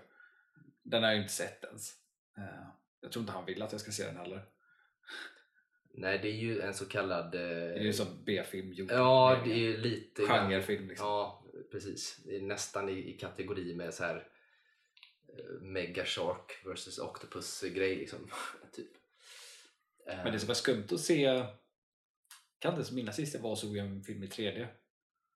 Ska man säga Nej, det var 3D? fan länge sedan ska jag säga man såg en film i 3D. Så det kommer bli lite kul att se. Eh, och sen återvända till det. Sen när man vet lite grann hur de har gjort när de har spelat in det, för de har ju varit sjukt mycket under vatten och sånt Ja. där. Där Kate Winslet då slog rekord på den jäkla vänster Ja. sju minuter utan att andas och sådär. Eh, Helt galet. 7.31 eller sånt där höll hon.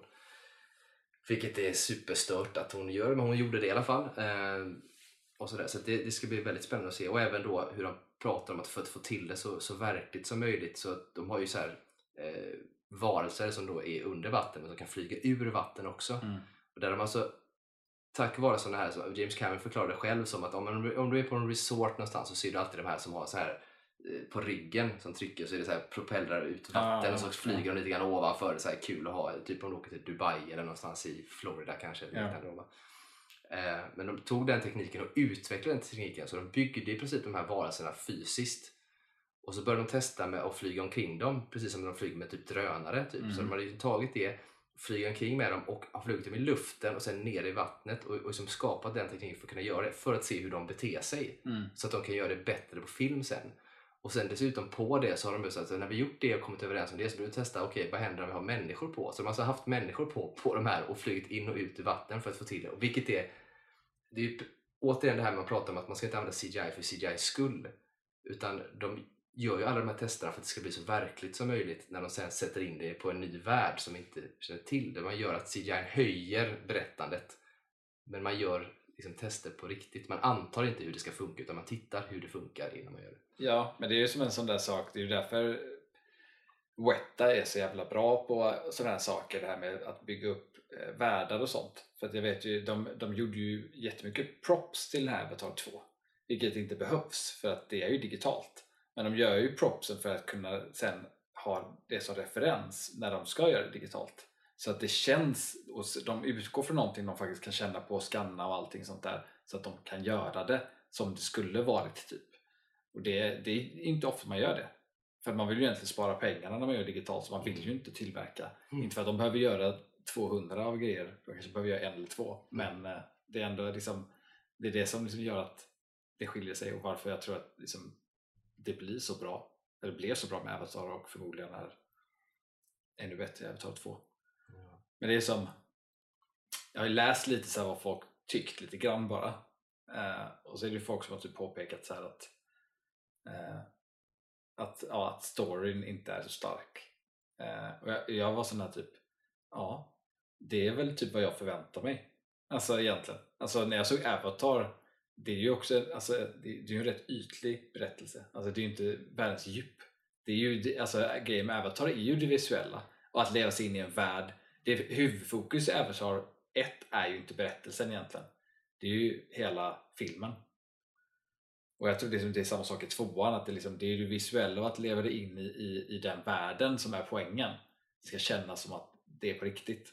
Ja, och sen kan man ju också säga att jag tror ändå att Avatar är djup. Alltså det är väldigt få filmer som har ett jättedjup ska jag säga när man tittar på dem. Eh, även om man kan tolka in mycket i det. Jag tolkar in jättemycket i superhjältefilmer till exempel oftast. De som är bra kan man göra det i. Men, men, men grejen med Avatar, även om han redan när han gjorde Avatar första hade en plan på, för det sa han ju, han hade en plan på till minst fem filmer Avatar så var det att man vet aldrig. Så att, menar, första filmen har ju ganska tydligt så att den, den, den börjar och den slutar. Mm. Det finns liksom en story under hela. Det jag tänker mig i en tvåa som kan göra att den sänker sig lite, det är att det är nog ännu tydligare plan på att det kommer komma, det, det vet man ju, det kommer bli minst tre oavsett hur det går. Mm. Sen går det riktigt bra så kommer det bli de här fem, men eh, man pratar om att tre kommer det bli ändå, vilket gör att det blir en mellanfilm. Ja. Och där är liksom, kommer det inte vara ett supertydligt avslut på det sättet, utan det kommer ju vara någonting som carryar över till nästa. Som man är beredd Ja, på på så, ett helt så, så kommer det definitivt vara. Jag har sett så många sådana här eh, headlines där det varit så här, eh, så här How Avatar 2 eh, will, eller liksom, how, how will Avatar 2 eh, eh, go into Avatar 3 or eh, it ends this way to start like this in Avatar 3. Massa sådana headlines Mm. som bara är att hur, och, och det, det kan jag ju se kan vara lite tråkigt för en publik kanske att, man, att det lämnas lite för öppet. Eh, så det får man väl se. Jag, att jag gillar ju det visuella i det. Alltså det är ju det jag gillar med Avatar. Är så här, ge mig mer av det.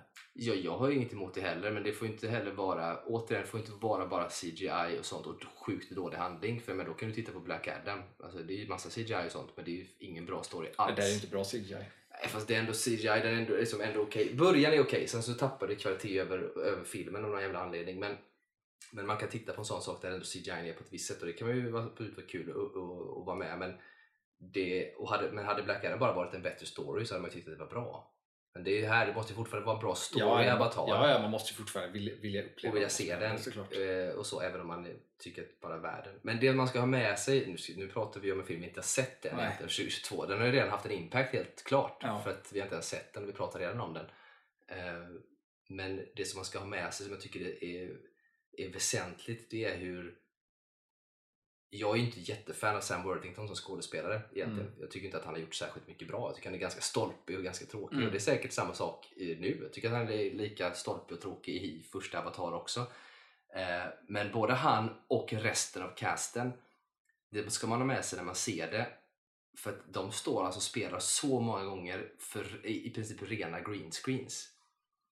Det är inte ens green screens ofta. Nej, i- i knappt det. Alltså de, har, de står i ett rum. Ja, det är ett Liksom. rum och så har de Och- dräkter på sig. Ja, och så är det bara motion och capture och de står och gör det här och ska då tänka sig att det finns det är träd och natur och de ska spela på det här sättet vilket är, måste vara så fruktansvärt svårt som Ja. skådespelare att gå in och inte ha någonting. Många pratar ju om att man idag, vilket många gör oftare nu, att, att skådespelare behöver någonting att förhålla sig till. Man ser världen, vilket gör att man har de här som de använder i Boba-serien och Mandalorian, den här eh, stora, Mm. det, vad det nu heter. Eh, The volume kan The det Volume, ja. Där man liksom kan ändå få upp och se sanddynerna när du spelar på en, en plattform. Men här ser du ingenting. Utan du ska bara agera ut efter det och, och, och ha emotionella reaktioner på att men, det här står någonting och brinner och massa folk är döda och du ska liksom agera på det. Vilket kräver så mycket oerhörd skicklighet. Då. då tänker jag att det ska man ha med sig när man ser den. Hur jävla duktiga skådisarna också är faktiskt. Men det, var, det gjorde de ju rätt smart i första Avatar där, för där gjorde de ju en resa innan de började spela in. Eh, ut i, eh, när de reste ut i, eh, om det var Amazon eller vad fan det var, skogen Mm. någonstans. Och jag liksom hade, hade någon vecka eller något sånt där, där de liksom bara utforskade grejer och, och liksom gjorde vissa scener i den miljön bara för att printa in det liksom i skådespelarnas huvud. Mm. Eh, och det är ju smart. Där har de gjort samma sak nu. Ja. Eh, där de åkte till någonstans där det finns korallrev Mm. och eh, varit i vattnet och dykt mycket under några dagar. Sådär, för mycket, den heter The Way of Water, Mm. Avatar. Så att, eh, de har ju varit, så de har gjort samma sak nu för att skådespelaren ska få en chans att få en känsla. Då. Men det är som sagt att bära med sig det och så spela utifrån det, allt det här som händer. Det är, det är imponerande. Man säga. Och tufft. Mm. Faktiskt. Nej, men som sagt, vi har inte sett den men den känns som att den kommer ha stor impact på filmåret 2022 i alla fall, eller haft redan. För att den som sagt har ju redan spelat in lika mycket som både, vad fan har de sagt, som både Black Adam, eh, Black Panther och någon mer. Alltså det var ju så här, det är galet liksom. Ja. Det är helt, helt galet. Och det är som sagt ett tecken Mata att- på James Camerons ego. Ja, lite så. Och hans, eh, sådär, inte hårdhet, men han har ju en ganska attityd mot liksom, filmbolag och bolag, bolagschefer och den liksom, när folk ska in och styra för mycket över saker och ting. Här får han verkligen göra sin egen grej. Ja, att, eh, verkligen. Det spär på en del. Ja, det, kommer bli, det kommer bli kul att se den. Tänker jag. Men som sagt, filmåret, ja, det, är ju, det är ju typ Batman man tar med sig. Sen ska man säga att det finns en del filmer eh, som man generellt sett har kanske sett på streamingtjänster. Någon har man sett på bio också som ändå fatt, eh, funnits där. Vi har ju The Grey Man som är en Netflix-film med Ryan Gosling och Chris Evans. Ja, det Så- var nog en av de bästa Netflix-filmerna jag har sett i år tror jag. Ja, jag håller med. Eh, den I alla fall bra. bättre action ne- Netflix-filmer. För de brukar ofta vara rätt mediokra. Men den var faktiskt bra och underhållande. Mm, ja, jag tycker också att den var eh, bra faktiskt av de liksom, som kommer i, i den kategorin. Sen kommer jag att tänka på en annan film som också är väldigt ju- bra i samma liknande genre. Och sen har vi Bullet Train. Bullet Train ja. Ja, eh, Den var som jag bra. tänkte vi skulle prata om. Eh, Och det är också en sån som den har ju gått på bio eh, Ja. och sen nu kommit på massa köpa på SF och sådär. Men det är ju en, eh, också en film som faktiskt har varit rätt bra. Ja, den var liksom... Alltså den var underhållande. Och det är så här, det är grepp jag ofta så här återvänder till när jag, när jag ser på film. Om det är underhållande, för det kan vara underhållande på olika sätt. Mm. Men eh, det var verkligen så här, den var liksom kul att hänga med i. Liksom, och bara kunna liksom luta sig tillbaka och bara följa med i berättelsen och skådespelandet och allting. Ja, men den är också lite underskattad tror jag. Jag har inte hört så jättemycket om den. Nej, jag tycker också att den, är, den verkar vara underskattad.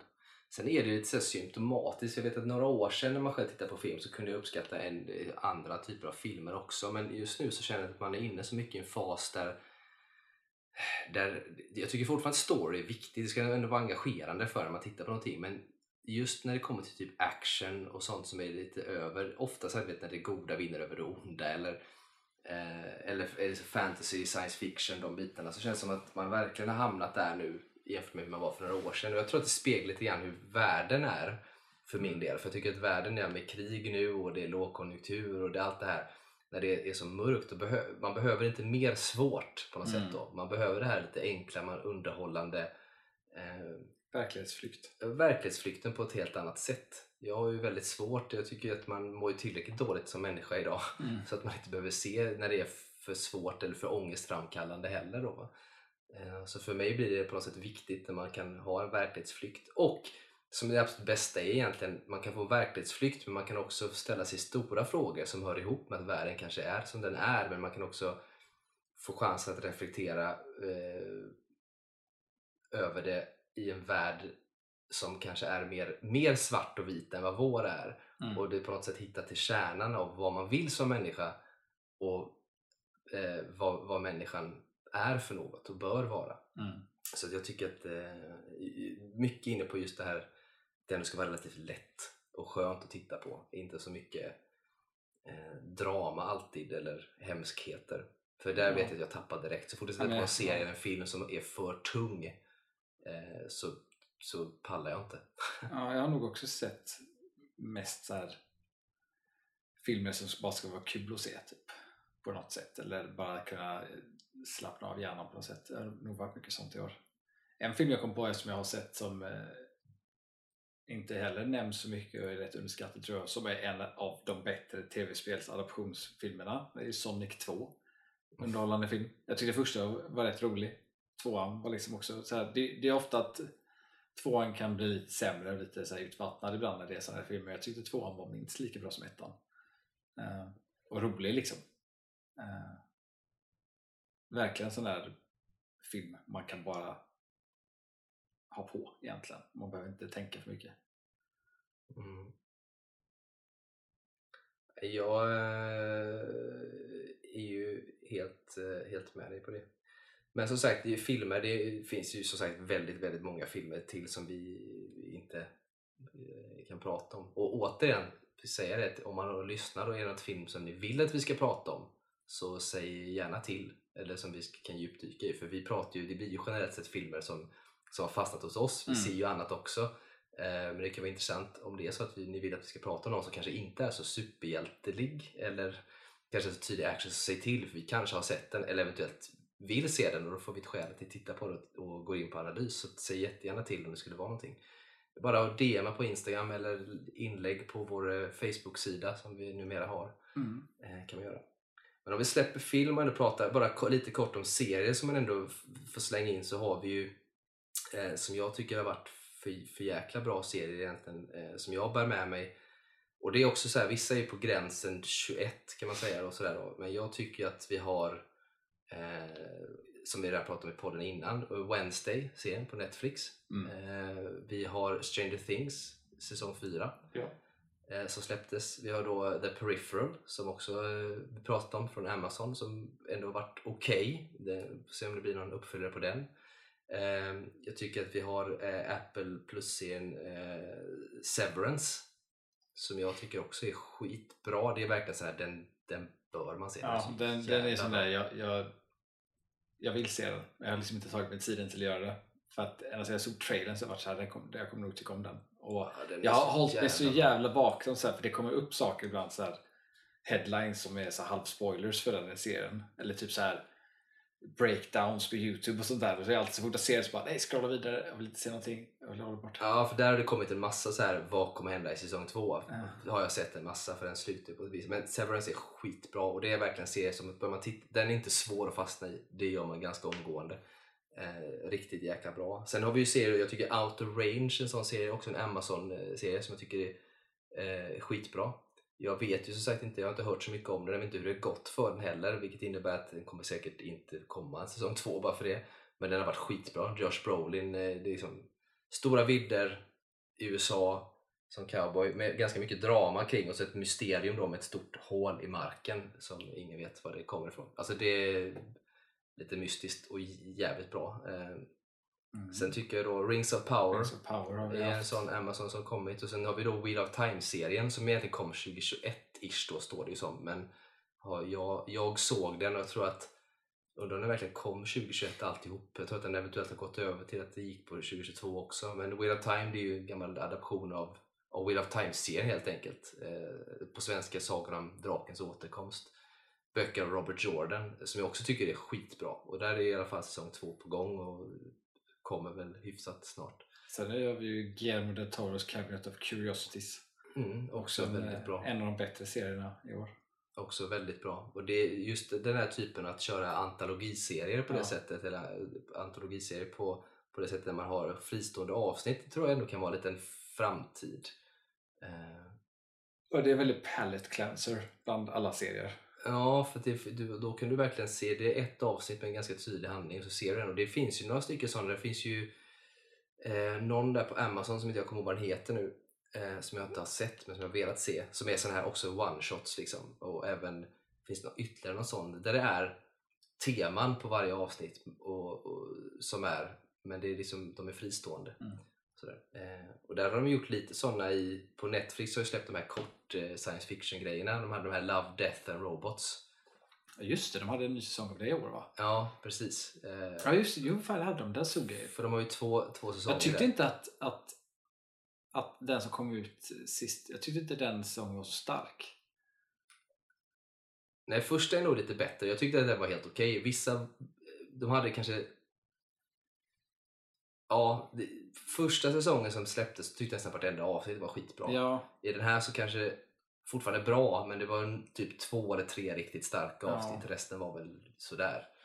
Men eh, de är ju skitbra och där är det framförallt kul för att det är så det är olika. ja. Alltså det kan vara allt från att det är live action till att det är superbra grafik till att det är helt tecknat till att det är mer eller mindre stop motion. Alltså du, kan, du väljer ju eh, som regissör som skapare hur du lägger upp det. Sen finns det en annan serie som jag nu är osäker på om den kom ut i år eller om den kom ut väldigt tid, sent förra året. Och det var ju den här eh, Star Wars Visions. Ehm, när det var små berättelser i Star Wars-universumet. Nej, det är år. anime. Det är år tror jag. Det tyckte jag var väldigt bra. Det var också Ja. kul att se olika små berättelser liksom, Ja. eh, i den stilen. Jag tror det kan vara tidigt i år. Och kul det- också att bara veta att det kommer en säsong två där de kommer ha inte bara anime då, utan då kommer det vara eh, från olika delar av världen ska vissa eh, animationsbolag få göra små tolkningar. Ja precis, det är häftigt. Och samma sak är det ju med den här som släpptes också som är Tales of the Jedi Ja. som de gjorde som också är det är ju fristående avsnitt där med. ja men svinbra. som också är bra. Så det, det är kanske en, en, en ny funktion för det är lite som sagt att man slipper hänger med alltid. Man kan Mm. bara ha det som liksom lätt underhållning, se ett avsnitt i taget och, och Ja. då orkar man hålla uppe sin koncentration också varje avsnitt. Så, eh, så att, ja, det, funnits, det är mycket bra serier som sagt och då har vi bara nämnt de typerna av serierna eh, som vi pratade om, som Outer Range och Severance och de här bitarna. Men det finns ju också som, som vi pratade om innan, så många, typ White Lotus eller Successions senaste säsong och de här. Och, eh, som också är, är skitbra som man kan se såklart. Och The Bear som går på Disney som jag hör så jäkla gott om. Jag tänkte att det måste jag också se. Mm. Eh, som är lite mer dramaserier och så vidare. Eh, så att, nej, ett, eh, så ett, ett filmår som varit ändå helt okej. Det har inte varit, alltså nu är Avatar släppt till exempel och du hade The Batman och du har haft en del Marvel-filmer och, och den svenska liksom, kända Triangle of Sadness som Mm. kom som slått igenom och nu kommer ju också som inte heller har sett men som man kanske ska se UFO Sverige eller UFO Mm. Sweden som finns ute nu då. Så det har ändå varit en del intressant men i, om man tittar tillbaka i historien så tycker jag helt klart att det ändå finns starkare filmår än 2022. Eh, Ja. klockrena. Framförallt så är det så här, Allt innan pandemin. allt innan pandemin är det så. Men sen har vi också så här, vet, 80 och 90-tal. Där kan man gå tillbaka och titta så här, men vad hände 95 eller vad hände 87? Och så Ja. är det sådana jävla filmer man bara shit, har de här premiär samma år? Och det, det kan ju visa sig om 10-20 år att 2022 kanske är en sån här bara shit vad mycket bra det kom. Men just nu så känns det inte som att man kan konkurrera riktigt med de åren eh, i filmvärlden på det sättet. Däremot serier som jag återigen då, som du också tycker är det för mycket av. Ja. Men det är också jävligt mycket bra. Vilket gör att det finns så mycket beroende på vad man tycker Ja, om. men det är förmodligen för mycket bra också. Alltså det, är för, det är det som är så synd att det finns säkert så jäkla mycket bra man inte ser. Ja, det är ju tyvärr så som är grejen. Och är man, men det finns ju något för alla. Det är väl det som är grejen också. För att, menar, det finns ju allt. Det finns till och med bra kampsportserier nu. Eh, Cobra Kai har ju kommit ut i år ja. Ja, men Cobra Senaste Kai är ju liksom ett exempel på det. Men sen har du ju också eh, eh, Kung Fu finns en serie som heter som handlar om en tjej som, som är där. Du har också Warrior. Eh, finns det en serie som heter som handlar om en kinesisk immigrant som kommer till USA. Eh, San Francisco. Den har jag, jag, vet vilken det är men jag har inte sett den. Nej, jag har sett eh, ja, vad är det, första, nästan hela första säsongen. Men det är ju bra grejer beroende på vad man gillar. Sen är det som sagt att är man då lite mer lutad att man kanske vill ha lite lättare underhållning och liksom inte hänga med för mycket så tittar man ju, vi tittar ju mycket, det blir mycket science fiction och mycket åt det hållet. Men sen så har du de som kanske liksom avskyr science fiction och fantasy och vill ha mer. Då har du ju typ White Lotus och du har Succession och eh, lite sådana bitar. Så det finns något för alla. Men problemet för oss som gärna hade velat se allt Mm. i alla olika kategorier blir det ju inte alltid så. Utan då blir det att man ser science fiction-bitarna mer än något Mm. annat. Vilket är, är synd på det sättet. Eh, så att, men det finns något för alla i alla fall. Mm. Eh, och sen kan man väl kort säga att, alltså, kort egentligen, men jag försöker tänka på om det, om det kommit ut en bra så här komediserie. För det är också så här, det händer ju inte så ofta. Det gör ju inte det. Menar, du har ju säkert... Komedi i allmänhet tycker jag eh, det är ont om. Alltså ren komedi. Det, Ja. det, är, det är mycket actionkomedi och sånt där men just komedi är det inte jättemycket av. Nej, jag tycker inte heller att det, det är inte så mycket. Det, det finns säkert någonting som man har, man har missat där ute men det är inte så mycket om man tittar på hur det har varit i alla fall. Men framförallt serier så har du ju ändå haft, så här, det kanske är för att man själv är lite efter. Alltså Rick and Morty har ändå kommit ut med en ny säsong i år. Ja. Och det är ändå bra, det är tecknad, ganska sjuk serie så. Men det är ändå komedi, fast det är också science fiction i, i sig så att säga. Men det är en komedi. Men sen har du ju då alltså klassiska gamla serier eh, som har gått. The Office till exempel som gick förr. Mm. Eh, du har eh, liksom Modern Family, Big Bang Theory, eh, eh, Brooklyn 99. Du har alla de här bitarna. Men det känns som att den eran är över liksom. Ja, det är så här, vad finns nästa liksom? Jag vet att It's Always Sunny in Philadelphia har ju inte jag sett till exempel. Jag vet att många älskar den och så vidare. Men det, det kommer inte så många...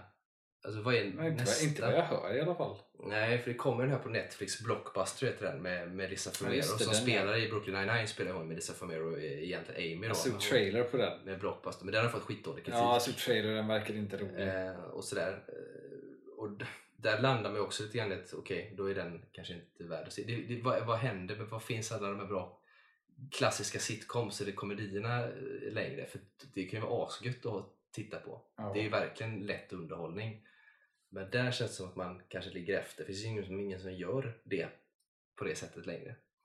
Nej. Allting ska vara så hög kvalitet hela tiden och kosta svinmycket pengar. Så att, att göra enkla sitcoms gör man liksom kanske inte på det sättet. Jag vet inte. Synd. Ja, det är synd.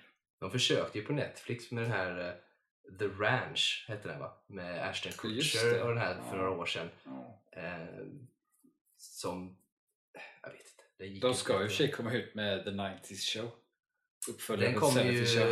ja precis, den kommer ju inte alls långt kvar. Ja, den ska väl ha premiär snart tror jag. Ja, precis. Eh, Den ser jag ju fram emot, men det är ju också mycket, mycket nostalgi i den. Jag ser inte fram emot den alls överhuvudtaget för att jag tycker inte om That 70 Show. Ja, Jag älskar That 70 Show, så att jag, jag, tycker, ju- jag tycker om den och ser fram emot att se, se karaktärerna tillbaka och se vad de, eh, vad de haft, haft för sig, så att säga. Det kändes väldigt, men ja, i, i och för sig, eftersom jag inte gillade Death 70 Show, eh, så här, för jag såg trailer på The 90 Show och jag tyckte det kändes så här, liksom, tråkig och liksom bara så här, ah, så här liksom för, vad ska man säga, hum, humor som liksom är för alltså för eh, on the nose typ. Det är liksom är verkligen typ här är det roligt, haha nu är det roligt. Det är väldigt så och jag ty- det tycker i och för sig att Seven Show också är. Så den kanske är, är jättebra för folk som gillar Seven Show. Men det, ja, om man ska gå efter fans och publik så kommer väl alla som gillar Seven Show hata Night Show. Eh, ja, säkert så. Det, det får vi väl se. Jag, jag ser jättemycket fram emot att se den i alla fall. Eh, jag, tror inte att det, alltså, jag, jag ser fram emot att se den bara för att det är en nostalgigrej. Det är så kul bara för att se vad karaktärerna har tagit vägen. Det är typ det enda egentligen. Jag tror inte att det kommer bli en ny serie som kommer gå i tio år. Det har jag väldigt svårt att se. Nej, eh, jag tror inte heller. På det sättet. De har ju försökt göra sådana remakes innan. Som How I Met Your Mother till exempel. Gjorde de ju How I Met Your Father. Ja. Eh, som också gick åt helvete. Ja, alltså jag, typ, jag, jag, har inte jag har sett klipp från den. Också det att jag tycker liksom det är för... Det liksom är för... eh, Alltså det är som att humorn är inte smart nog. Typ. Inte för att jag tycker att det behöver vara liksom finurligt. Liksom. Men liksom How I Met Your Mother är väldigt finurlig i sitt berättargrepp. Och man märker att de som låg bakom det liksom la energi i det.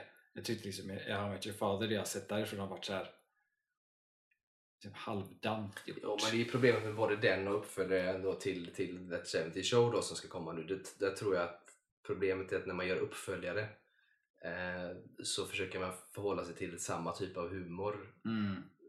Och det går ju inte riktigt för det är, ändå inte riktigt samma sak. Mm. Eh, man kan liksom inte göra om det en gång till för både That 70 Show och How I Met Your Mother är så originella i sig själva.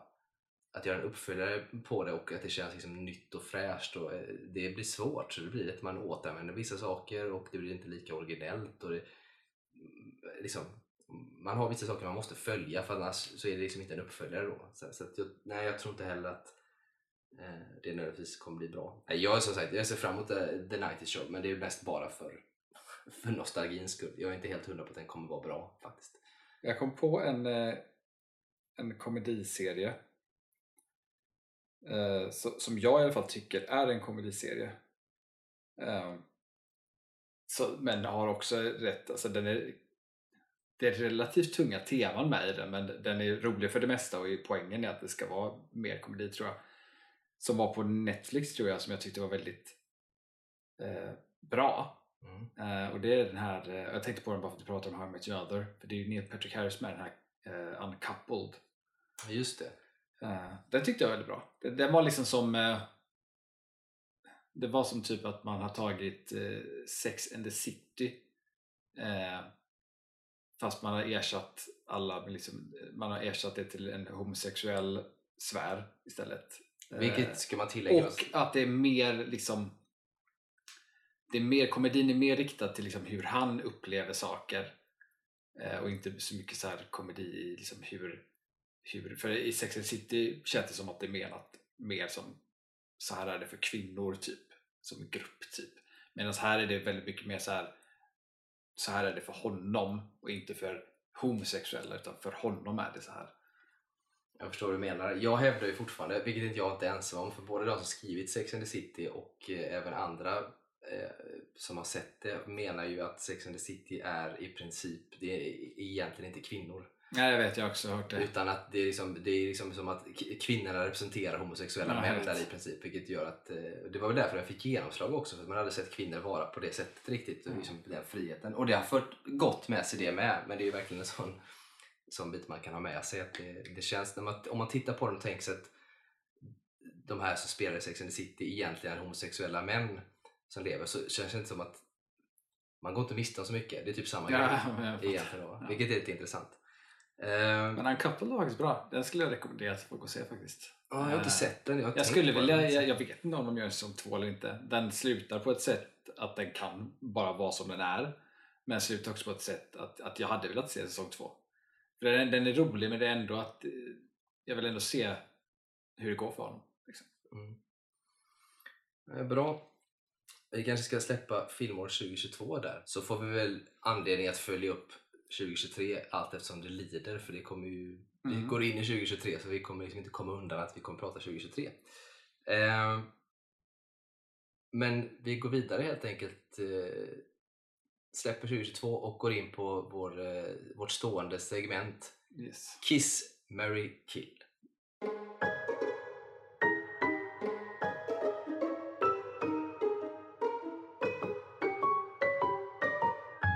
Vad kör vi denna gången?